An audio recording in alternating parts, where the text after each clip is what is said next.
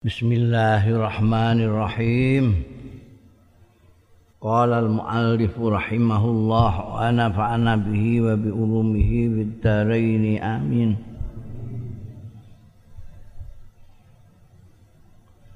Wa anhu iku ya. Wa anhu radhiyallahu anhu wa anhu lan saking sahabat Abdullah bin Umar radhiyallahu anhuma anhuma mestine kaya ndhuwure mergo dua-duanya anak dan bapak itu sahabat semua.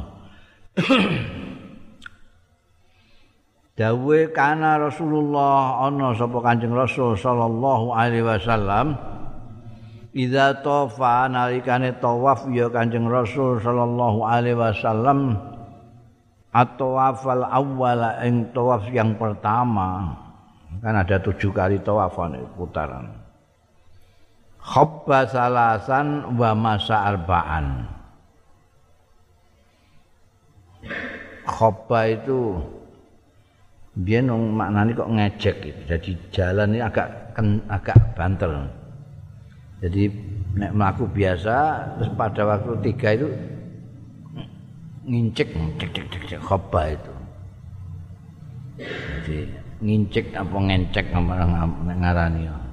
Jadi jalan tapi agak lari. Apa jenenge? Maku tapi. Ngincik ya. berjalan tapi kayak berlari. Salasan tiga kali wa masa lan maku biasa arbaan sing papat. Jadi kan pitu. Yang tiga ngincik Jadi itu uh, asal usulnya kan untuk ngetok nombian itu nenggone orang-orang kufar Mekah nomor rumah dong rasa bisik-bisik itulah anak buah Muhammad itu nyekikri nyekikri gak sehat terus wincrik ben ketok kene aneh dibuka lengene dibuka ben ketok sepirnya itu. Layune ngincik. Khobba. Baru nanti yang masa arbaan melaku biasa yang papat. Wakana yas'alan ana sapa Kanjeng Rasul sallallahu alaihi wasallam yas'a batnal masil. Sa'i Sa'i itu ya ya anu lewat jalan. Batnal Masir ana ing apa namanya perutnya lembah yang jadi ini marwah ini sofa. Itu yang ini ya loh ini lembah ini batnul masil. Sebab kalau banjir dia akan penuh dengan air itu. Sementara sofa ini bukit marwah juga bukit. Aslinya. Saya kira gak ketara bukit ya mereka sudah semuanya dimasukkan masjid. Dulu Mas A itu tidak dalam masjid di luar masjid. Malah konon itu pasar. Itu orang sai itu kadang-kadang ketemu kalau pedagang-pedagang sing nggawa khimar keledai segala macam. Sekarang itu semua tidak ada pemandangan itu karena sudah diplester kabeh masuk dalam masjid. Masuk Batnul Masil ini, tidak kelihatan. Minggu ini dhuwure sofa iku mau diketokno ana watune sithik ngono diketokno menunjukkan bahwa itu dulu bukit. Marwah juga gitu. We liyane wis marmer kabeh. Yo Ida tofa baina sofa nalikane mubung-mubung baina sofa wal marwah. Wirawiri. Nek tofa tawaf ning gone Ka'bah maknane mubeng tofa ning gone Safa wal Marha maknane wirawiri jadi Dan sekarang itu ada dua jalur. Konon biyen usule Bung Karno. Dulu enggak ada. Seliwar-seliwar ngono ya. Orang yang datang dari Marwah maupun yang berangkat dari Sofa ketemu kayak nih anu Ini pasar dan jalan biasa. Sekarang dibikin dua jalur. Yang dari Sofa sini, yang dari Marwah ke sini. Tengah iki untuk sing numpak becak, numpak apa? kursi roda segala macam. Jadi mulainya dari sofa. Bismillahirrahmanirrahim terus melaku. Tidak ada tabrakan. Nanti harus mubeng marwah sini. Ini jadi tofa Baina sofa wal marwah. Dari sofa satu dua, tiga, empat, lima, enam, tujuh. Ojo keliru. Biar orang sing kuwesel kancane wis debar ndekne dak barbar. Mergo ngitunge siji loro. Kuwesel ndekne. Iku biasa saja iku kira-kira ana 7 kiloan. Nek digunggung keprok ya. Oh, dua kali kan ya. Wah, pokel.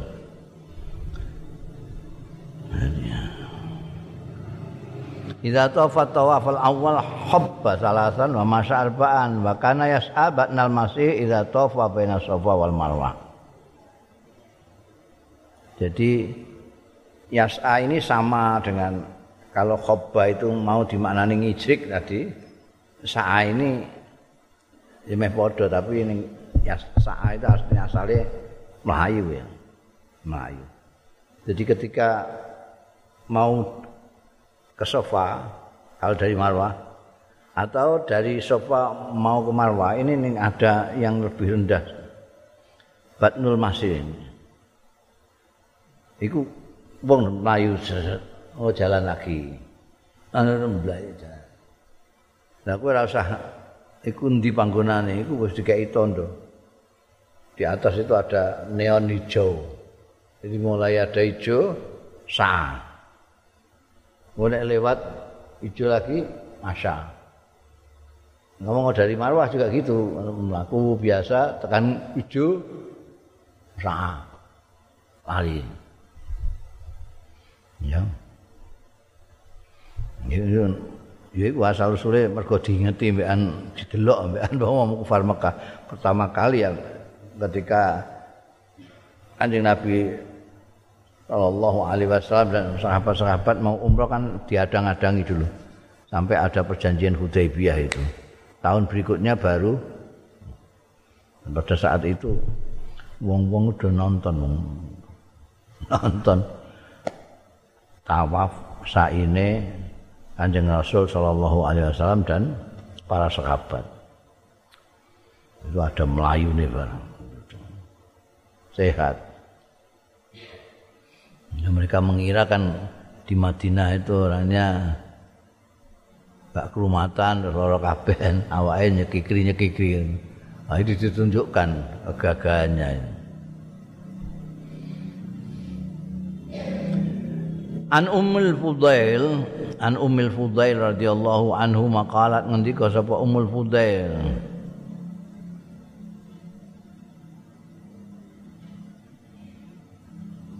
Ngendika piye?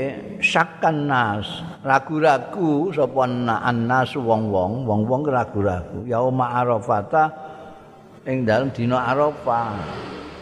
Mengenai apa ragu-ragunya fi saumin nabiyyin dalam pasane Kanjeng Nabi sallallahu alaihi wasallam. Apa hari Arafah itu artinya hari tanggal 9 waktu wukuf nih. Itu Kanjeng Nabi poso apa gak? Itu mereka ragu-ragu. Sakan nasu yauma Arafah fi saumin Nabi sallallahu alaihi wasallam. Babaastu ilan nabi mongko ngirim sapa ingsun ilan nabi marang Kanjeng Nabi sallallahu alaihi wasallam bi syarabin lawan unjukan fasaribau mongko ngunjuk sapa Kanjeng Rasul sallallahu alaihi wasallam. Pintere Ummul Fudail itu kan gitu. Wong udah ragu-ragu poso apa enggak ya poso. Eh jajal tak kirimane unjukan. Nah, kirim unjukan kali-kali diunjuk berarti ya Ummu Arafah tidak puasa Kanjeng Rasul sallallahu alaihi wasallam. Yakin terusan. Mergo kesong unjuk nalika dikirimi unjukan. An Ali radhiyallahu anhu saking Sayyidina Ali radhiyallahu anhu kala ngendika Sayyidina Ali amaroni Rasulullah sallallahu alaihi wasallam perintah ing ingsun sapa Kanjeng Rasul sallallahu alaihi wasallam an atasaddaqa. Yen to nyedekahna sapa ingsun bijilalil budni. Lawan aba-abae unta alati nahartu kang nyembelih sapa ingsun. Wa bi juludiha lan kelawan lulang-lulange kulite kulit-kulite lati budhen Jadi biyen itu Kanjeng Nabi Muhammad sallallahu alaihi wasallam dan sahabat-sahabat itu kalau haji atau umroh itu membawa unta. Yang kebanyakan unta ana sing wedhus. Itu yang disebut nah hadiu itu atur-atur itu dibawa kadang dikalungi barang jadi untuk tondo nek ini atur-atur yang nanti akan disembelih di Mina Yaumun Nahr itu hari penyembelian itu ada setelah dari wukuf di Arafah nanti nginep di Musdalifah terus langsung ke Mina. Di Mina itu nyembelih kewan-kewan bawaan itu. Sayyidina Ali itu tidak terkecualikan membawa unta.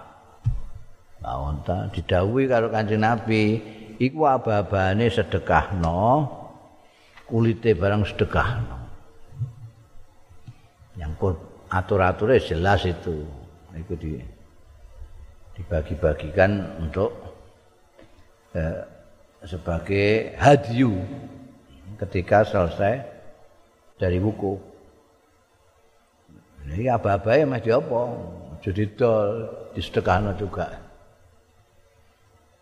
Bapak itu lemek-lemek dan segala macam nek nek jaran itu pelana itu. Itu nek apa?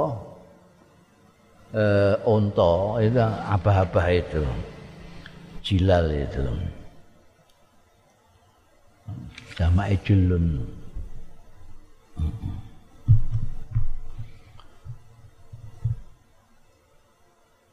Wa an Abi Hurairah radhiyallahu anhu ning kene biasane disedekahno ning gone sing nyembelih biasane kulite barang ku ya. Nek korban ngono An Abi Hurairah ta sayang sahabat Abi Hurairah radhiyallahu anhu anna Rasulullah setuhune Kanjeng Rasul sallallahu alaihi wasallam kala ngendika sapa Kanjeng Rasul sallallahu alaihi wasallam Al umratu utai umrah. Ilal umrati tumekaning umrah yang lain. Iku kafaratun merupakan kafarah penebus dosa-dosa lima bainahuma maring dosa bainahuma kang antarane umroh satu dan umroh lainnya wal hajjul mabrur utai haji mabrur. Laisa iku ora ana lahu kedue al hajjul mabrur. Laisa ora ana lahu kedue al hajjul mabrur apa jazaun? Wales ilal jannah kejaba swarga. Iki fadilahe umrah. Jadi nek kowe umrah terus kemudian nanti tahun berikutnya atau tahun kapan lah kowe umrah meneh ini antara umrah yang satu dengan umrah berikutnya ini terlebur dosa-dosamu itu. Jadi kowe umrah kemudian setahun apa saulan apa dua tahun lah kue umroh meneh maka dosa-dosa antarane umroh dan umroh ini terlebur.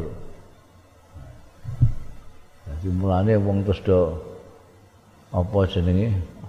Ana sing saben taun ana sing malah saben minggu. Jakarta ana sing saben minggu. Umroh itu.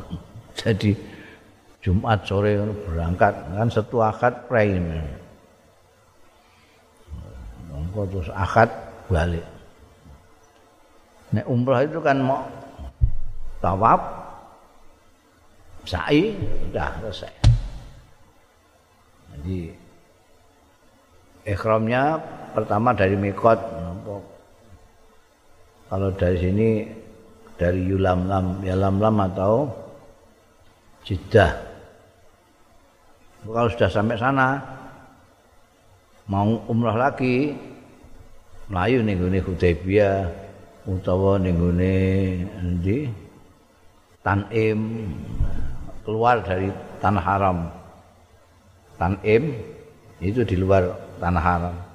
Di sana membayang ulang rakaat niat ikhram baru masuk ke tanah haram umrah lagi. Tawaf sa'i. Ono sing begitu umroh itu terus tawaf apa sekali berangkat itu umroh berkali-kali. Eh? Lu jadi nek ndelok hadis ini nek umroh baru umroh umroh nek itu kan yang terlebur karena jaraknya sedikit sekali. Diingin umroh, saya umroh.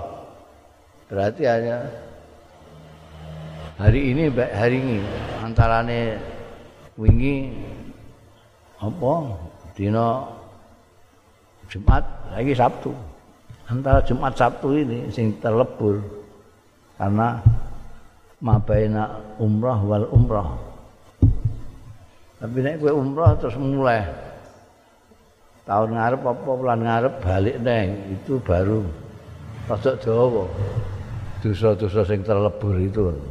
Hmm. Wal hajjul mabrur laisa lahu jazaa'un illa jannah. Iki apa jenenge hadis andalan ini. Jadi manasek mesti iki diwaca, Mbak. Diwaca karo sing wae penataran. Hajjul mabrur laisa lahu jazaa'un illa jannah. cuma durung tahu tumon aku ana penatar manasek haji sing jelasno mabrur itu apa gak tahu tumon mbah kok kementerian agama mbah kok biro perjalanan apa saka itu kan akeh saiki apa jenenge ya kelompok-kelompok umrah atau haji itu.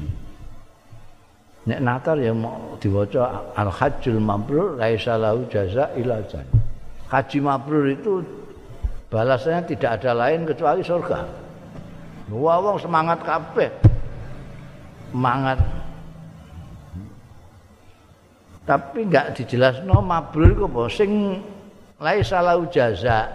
Iku haji sing mabrur. Bukan angger haji. wong redaksi ini wal hajjul mabrur ngaji tok ora termasuk hajjul mabrur sing la salahu jaza illal jannah. Tapi gak tahu dijelasno.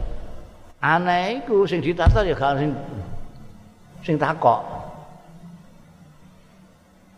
Sing ditata ora takok sing natar ya ora cerita ora nerangno. Mbok muga gak ngerti apa piye? Jadi beneran nek ana sing takok beneran. Nek ora ana sing takok iku. Mergo ndikne nerangno gak pati iso. Piye apa mabrur. Jajal-jajal kowe engko nek meh kaji terus ditata terus takokno jajal. Mabrur niku napa? Jawabane piye? Nah, karena tidak ada yang menjelaskan dan tidak ada yang tanya penjelasan itu artinya apa? Artinya masing-masing merasa sudah paham mabrur itu. Kan gitu. Kok gak ada kok? Apa harus paham? Kok gak mau terang no? Apa sing audiennya sudah paham semua? Asumsi paham itu ternyata tidak benar. Nah, tahu tak takoki gak jawab, gak iso, gak ngerti. Mabrur itu apa? Tapi mereka pengen nek delok sing diteter-teterno sing selalu dijelas-jelaskan bolak-balik itu bagaimana tawaf. Tawaf itu harus mulainya dari Hajar Aswad dan sebelah kiri harus di sebelah Ka'bah. Tidak boleh miring atau muter sehingga kanannya di Ka'bah. Nah, sisi kiri semua. Ngantek digawekno Ka'bah-Ka'bahan. Hah? Ning dindi ning pati mbiyen malah Ka'bah permanen. Wah, koyo Ka'bah tenan. Barang tak gasaki terus dibrukno. Lah wong wong mubung-mubung ngono kok dadak di dibiayai kanggo latihan. Latihan latihan kok latihan mubung-mubung ku piye? Ora masuk akal. Iku ning gone apa?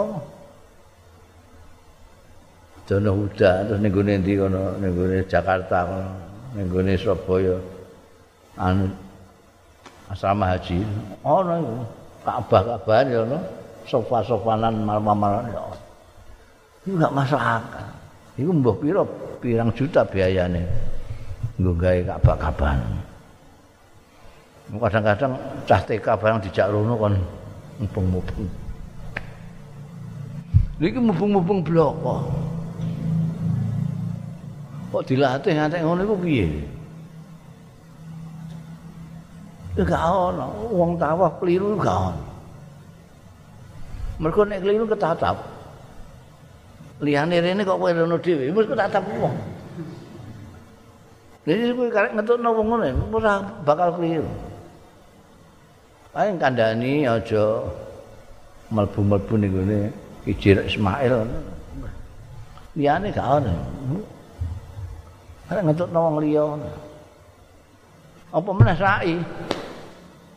Sa'i kliru ya ya rada owah ae akal. Mung karek mlaku blok-blok.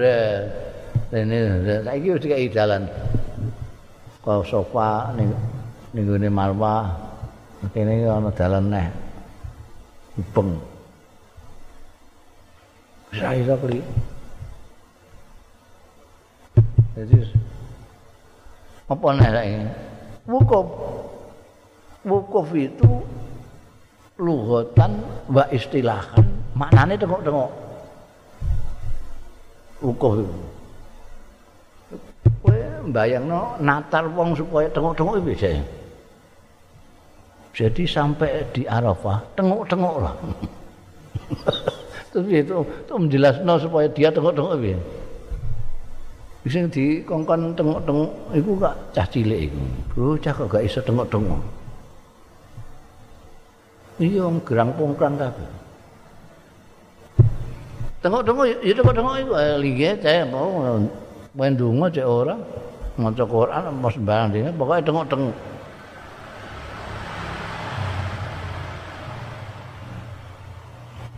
Terus apa nih? Balang jumroh. Balang jumroh ya balang-balang biasa itu lah. Dia atau angel zaman sampai tahun 70-an itu masih angel karena pemerintah Saudi belum menemukan cara itu. Jadi orang barang jumlah itu harus masuk ke sumur, ada sumuran. Tapi nek gak marek biyen durung durung tentu bisa masuk sumuran itu. Jadi kowe nek kepengin iso masuk ya kowe nyedak. Biyen aku tahun 70 ya marek. Supaya Bagi wong pirang-pirang terpaksa wiro-wirolan supaya iso. Nek mbok sangkani kok adoan ora iso masuk situ Nah saiki wis ora ora ora rasa marek kowe rasa marek. Oh aduan ya iso. Mergo sumuran iki dikeki corong seru. Dikeki corong. Jadi sumur iki dikeki corong. Jadi kowe kon diae mlebu corong, wit mlebu sumur. Asen, nek kliwatan ora iso. Saiki dikeki tembok. kene dikai tembok terus kene dicorong jadi ora iso kebablasan ora iso mergo ketatap tembok ketatap tembok mesti masuk ning corong ini masuk corong glender-glender mlebu ning sumur Mulane saiki wong nyawat-nyawat wadoan barang enak tat Nek arep priwatan ora mungkin mergo ana tembok, ketatap tembok ya mlebu. Corong, mlebu corong ya mlebu. Sumur. apa nah saya barbaran jumroh nyembelih wedus nyembelih atur-atur. Nyembelih-nyembelih biasa itu apa ning kono ana tukang nyembelih pirang-pirang kare mbok serahno ngono Aku tawaf ifadah, tawaf ifadah ya iku meneh balik kaya tawaf kudum barang mau, padha persis mupeng. Mupengi Ka'bah. Sudah.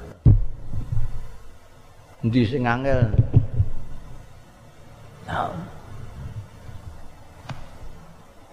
Jadi kira-kira nek apa?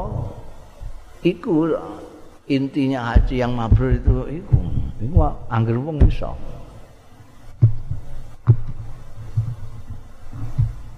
Nah, sabenere nek ndelok ana hadis liya. Al hajjul mabrur laisa lahu jaza illal jannah. Wono kalu wa. Mabrur ini ku sepundi ana pertanyaan iku. Ana hadis yang detail, ada pertanyaan itu mungkin nggak dibaca mbak penatar-penatar itu nggak nggak dibaca jadi nggak nggak ngerti perkiraannya ya tawaf, sa'i, wukuf, balang jumroh itu sing marakno mabrur, mabrur haji.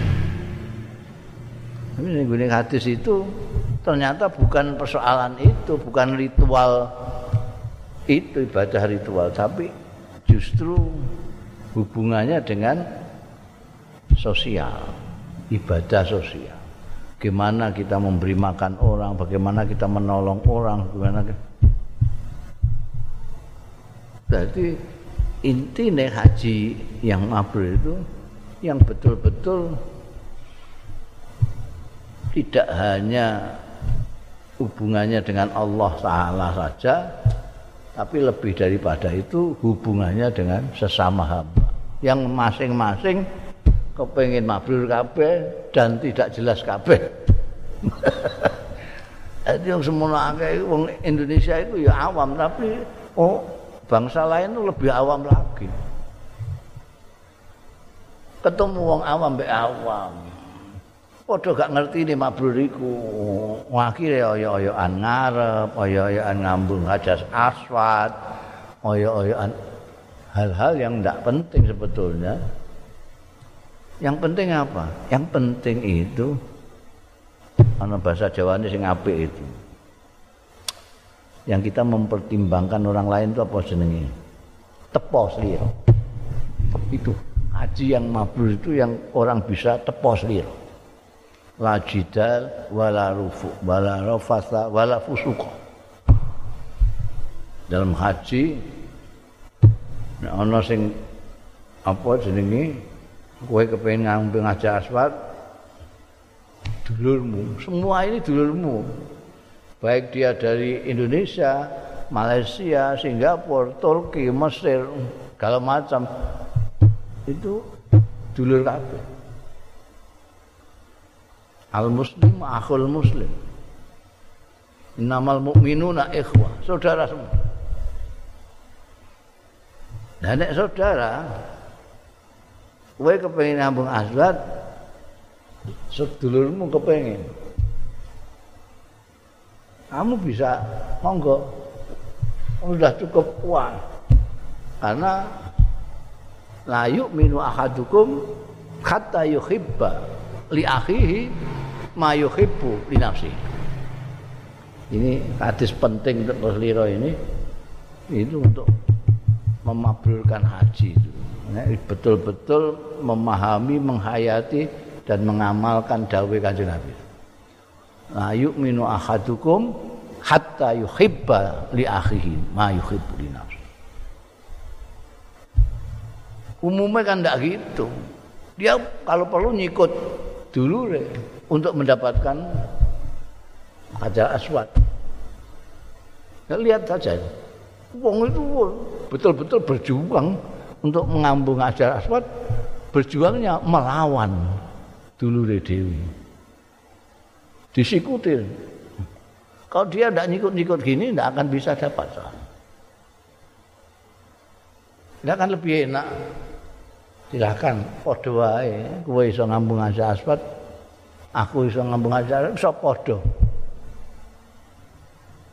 anak ukhibu ha lima tuhibbu. Aku senang ngambung hajar aswad, saya juga senang kalau kamu bisa ngambung hajar aswad. Oyo-oyoan ngarep. Iku sirah dikenek apa? Sudah, kalau kamu ingin di depan ya silahkanlah, aku tak neng gurimu, gak apa-apa. Orang kan kepengin pas neng makam Ibrahim, pas neng hijir Ismail, pas neng Raudhah, pas neng pengimaman. Terus bangsa gitu gitu lah. Kamu juga pengen. Tapi ketika kamu ingat ayo inu akadukum hatta yuhibba li akhi ma yuhibbu nafsihi tepo seliramu muncul kamu mempersilahkan. Kowe ora usah desak-desakan kowe kepengin ngarep monggo. Aku mundur. Enggak masalah. Sama saja. Kamu dengan saya sama saja. Itu mabrur dan itu sangat sulit itu. Sangat sulit. Karena ego. Egonya masing-masing itu tidak dibekali dengan apa yang namanya mabrur itu ego ini nggak jelas tentang kemabruran itu kalau dia mempunyai pengertian yang mabrur itu yang di depan maka dia akan rebutan di depan. Kalau dia mikir yang namanya mabrur itu harus ngambung ajar aswad, maka oyo-oyoan hajar aswad. Padahal mabrur itu nek, nek iso ngalah, nek iso nulungi wong, ana wong sak kesasar mbok tulungi, ana wong kehausan kamu bawain minuman saya betul betul poso gitu-gitu lah karena ini ibadah amalia ibadah yang istimewa ibadah yang memerlukan kumpul jadi satu bersama saudara-saudara kita sedunia yang berbeda-beda adat, kebiasaan dan budayanya. Kamu bisa Nah, itu yang istimewa itu. Nah, nek tawaf kabeh wong iso. Ya. Nah. Dulu ada hadis. Bahwa it'amu ta'am menyampaikan salam. Sampai dulu ya bangsa sosial semua. An Abdullah bin Umar radhiyallahu anhuma saing sahabat Abdullah bin Umar radhiyallahu anhuma anna Rasulullah satuhune Kanjeng Rasul sallallahu alaihi wasallam. Kana ana sapa Kanjeng Rasul sallallahu alaihi wasallam idza qafala. Nalikane kundur ya Kanjeng Rasul sallallahu alaihi wasallam. Kundur iku mulih dong eh an ghazmin ghazbin saking peperangan. Au hajjin utawa saka haji. Au umratin utawa saka umrah. Yukabbir. Mongko takbir sapa Kanjeng Rasul sallallahu alaihi wasallam ala kulli syarafin ing atase saben-saben panggonan sing ngegro sing dhuwur sing ketok minal arti saking bumi ning bukit apa ning di panggonan dhuwur lah ketok kon dindi Tuh takbir salah sa takbiratin kelawan telung takbiran. Allahu Akbar, Allahu Akbar, Allahu Akbar. Nek kundur. Jadi nek kundur berarti sudah sampai Medina. Sampai Medina di tempat yang masih tinggi itu beliau takbir tiga kali. Sumayakulu mongko keri-keri maos Kanjeng Rasul sallallahu alaihi wasallam la ilaha illallah wahdahu la syarikalah Allahu akbar Allahu akbar Allahu akbar. La ilaha illallah wahdahu la syarikalah lahul mulku wa lahul hamdu wa huwa ala kulli syai'in qadir. La ilaha ora ana pangeran sinembah illallah kejaba Gusti Allah. Wahdahu khalis wijine Allah. La syarika ora ana sekutu iku maujud lahu kedue Allah. Lahu iku kagungane Gusti Allah. Al mulku utahe kekuasaan kerajaan walau lain iku kagungane Gusti Allah. Alhamdu sekebe pujian. Kowe muji apa wae iku ora urung muji Gusti Allah taala. Wa huwa ala kulli syai'in qadir. Wa huwa utai Gusti Allah ala kulli syai'in. Ing atase saben-saben suwiji ku qadirun maha kuwasa. Aibun Bali kabeh kita semua Bali semua kanjeng Nabi Muhammad sallallahu alaihi wasallam tindak perang, tindak haji, tidak umroh itu tidak sendirian, mesti diikuti sahabat-sahabat itu. Maka beliau menyebutnya ayibun. Podo bali kabeh kita pulang semua, taibuna tobat kabeh. Abidun padha nyembah ngibadah kabeh sajiduna sujud kabeh li rabbina marang pangeran kita kabeh hamidun. Iku padha ngalembono kabeh. Sadaqallahu wa'dah. Leres sapa Gusti Allah? Bener artine tidak belinjani betul-betul bener apa Allah wa'dahu ing janjine Gusti Allah. Tidak diplenjani janjine ditepati. Nepati sapa Allah wa'dahu ing janjine Allah. Wa nasara lan nulungi sapa Allah abdahu ing kaulane Allah. Wa hazama lan menghantam mengalahkan sapa Allah al ahzaba ing kelompok-kelompok partai-partai wahdahu oleh suwijining Allah sendirian ya. mereka itu berkelompok-kelompok ada orang Arabnya, ada orang kufar Mekahnya, ada Yahudinya, itu apa? Azab dari Hizbun, Hizbun partai-partai. Tahu Kanjeng Nabi Muhammad Shallallahu Alaihi Wasallam dan orang Islam di Madinah itu diserbu oleh Ahzab ini di dalam perang Khandaq. Karena orang kafir ini ngejak orang-orang desa-desa dari mana-mana.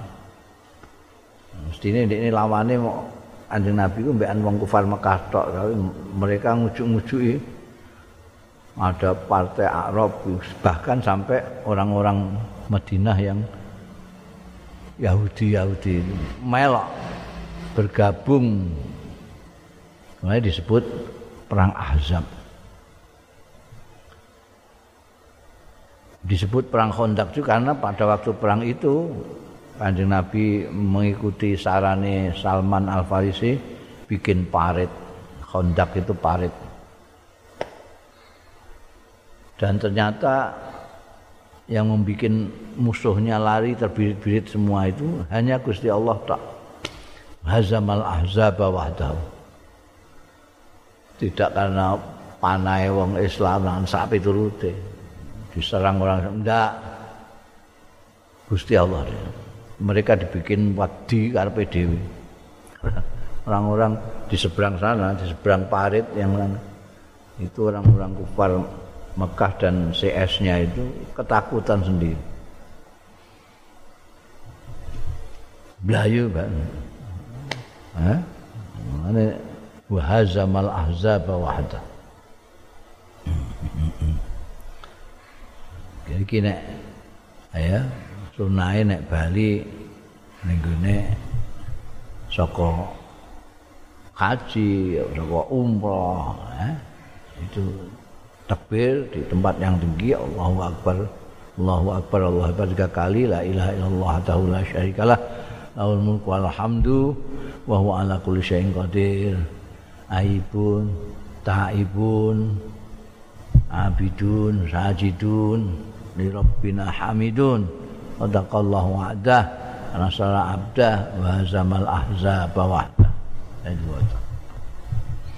baru kundungakno wong biasane don nyegat kowe njaluk donga. Kepercayaan iku nek bar kaji 40 dina isih dikawal malaikat dungane mandi. An Jabir radhiyallahu anhu saking sahabat Jabir radhiyallahu anhu kala ngendika sapa sahabat Jabir? Nahan nabiyyu. Nglarang sapa Kanjeng Nabi sallallahu alaihi wasallam. Ayat ruka yen to ndodok sapa arrajul wong lanang ahlau ing keluargane lailan ing dalam wektu bengi Nanti ki ajarane Kanjeng Nabi kowe nek bali kok lulungan nek bali aja bengi awan apa sore bengi tengah wong itu dodok-dodok lawang itu ngeget-ngegeti sing ning omah. Ha, gendeng-gendeng wong. Sopo dodok-dodok. Tengah wengi kan wedi ya. Mulane nglarang Kanjeng Nabi aja layat ruku ahlah. Lailan waktu bengi ya. sampai begitu Kanjeng Nabi itu tuh ngajari kita orang, ha? menjaga supaya tidak ada yang ketakutan, tidak ada yang khawatir dan lain sebagainya. Itu sampai wong dilarang untuk dodok-dodok keluarganya pada waktu malam hari. Jadi saya iso-iso rencanakan kamu kalau bepergian pulangnya siang hari atau sore hari lah minimal. Ojo tengah wengi. An Anas radhiyallahu anhu saking Sayyidina Anas radhiyallahu anhu kala ngendika sapa Anas. Kana nabi wa ana sapa Kanjeng Nabi sallallahu alaihi wasallam iku layat ruku. Nek mau larang menurut sahabat Jabir Kanjeng Nabi melarang. Tapi Anas yang pernah menjadi khadamnya Kanjeng Nabi tidak kurang dari 10 tahun itu menyaksikan bahwa kanan Nabi sallallahu alaihi wasallam layat ruku. Ora tahu dodok anjing Nabi ahlau ing keluarga. Mengejutkan keluarga dok dok dok dok dok. Duh. Aku teko. Enggak tahu kan Nabi. Kana layat khulu kana ana sapa Kanjeng Nabi layat khulu ora mlebet ya Kanjeng Rasul sallallahu alaihi wasallam illa ghudwatan kejaba pada waktu sore awan au asyian utawa sore. Jadi Kanjeng Nabi kalau kundur dari pepergian itu kalau tidak siang ya sore hari. Tidak pernah malam hari sampai ndodok awang ngeget-ngegeti keluarga ndak ada.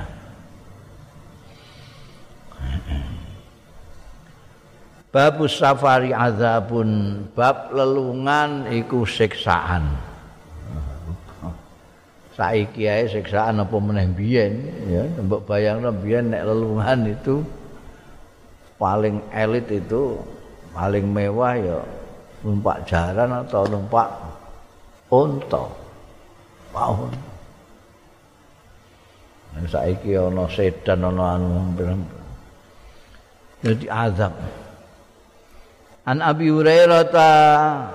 Saking sahabat Abi Hurairah radhiyallahu anhu.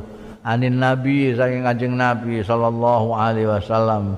Qala dawuh sapa Kanjeng Nabi sallallahu alaihi wasallam as-safaru utawi lelungan iku atun minal azab. Iku potongan minal azab saking sesaan. Jadi ada sepotong sesaan yang namanya safar. Yamna'u ahadakum. Nyegah ahadakum ing salah siji ro kabeh. Nyegah to amahu ing pakanane ahadakum. Wa syarabau lan omben-ombenane ahadakum. Wa naumahu lan turune ahadukum. Yamna'u iku safar rujuke. Yamna'u nyegah ya safar ahadakum ing salah siji ro kabeh nyegah to amahu ing pakanane ahadukum wa sarabau lan omben-ombenane ahadukum wa naumahu lan turune ahadukum. Mulane faiza qada tatkalane menyelesaikan nyelesaikno qada itu sapa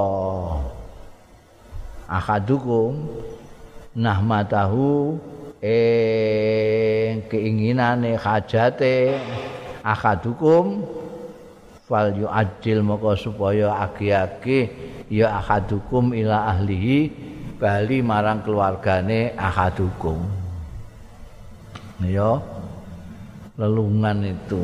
Ini bayangnya lelungan zaman biyen beratnya kayak apa? Oh, kata disebut kit'atun minal azab perjalanan itu orang tidak bisa makan sebagaimana biasanya di rumah. Mangan mbek keluargane linggih jenak mangan sing kepenak. Hak pirute kan gak iso jalan dalam perjalanan itu. Nek saiki ngono ya ana warung pirang-pirang. Ana restoran ana macem-macem. Sak nggon-nggon kowe iso mangan biyen lah biyen iku ya kudu medaya gak ono medaya utawa sangu dhewe bontot istilahnya bontot Wae ning Arab iku ana ana narul kira. Narul kira itu api yang dinyalakan ada waktu malam. Enggak ada listrik, enggak ada apa. Di ono kaya obor dinyalakan itu. Untuk memberitahu kepada pejalan-pejalan. Musafir-musafir ini bahwa di sana ada orang yang bisa nyugoi kue makanan, minuman, bahkan penginapan. Jadi orang-orang Arab sing dermawan-dermawan itu memasang narul kiro itu. Api tanda menerima tamu. Yo gak ana hotel, gak ana resto, gak ana warung. Yo masakot banget. Wong ning kene sing wis ana warung, ana resto, ana penginepan ae wong kuwasele ra karu-karuan nek lelungane. Bayangno zaman biyen. Mangan ora iso, ngombe gak kepenak, turu apa meneh. Mulane ndang gagenan iki ajaran Kanjeng Nabi. Nek wis selesai kajatmu apa, lelungan iki kowe butuh apa mau. Nek wis rampung ndagake bali ning gone keluargamu. Bukan hanya kamu saja yang tersiksa, keluarganya juga tok-tik-tok-tik iki ning dalan iku selamat ta ora sak pitu. Fal ajil ila ahli. Jadi didhawuhi Kanjeng Nabi supaya ndagakenan bali nek wis rampung kajate. Keperluannya sudah selesai ndang aja ngluyur-ngluyur. Sih ah mumpung ning kene ah. Aku tak ndelok anu pun binatang. Babu Fadlil Madinatil Munawwarah wallahu a'lam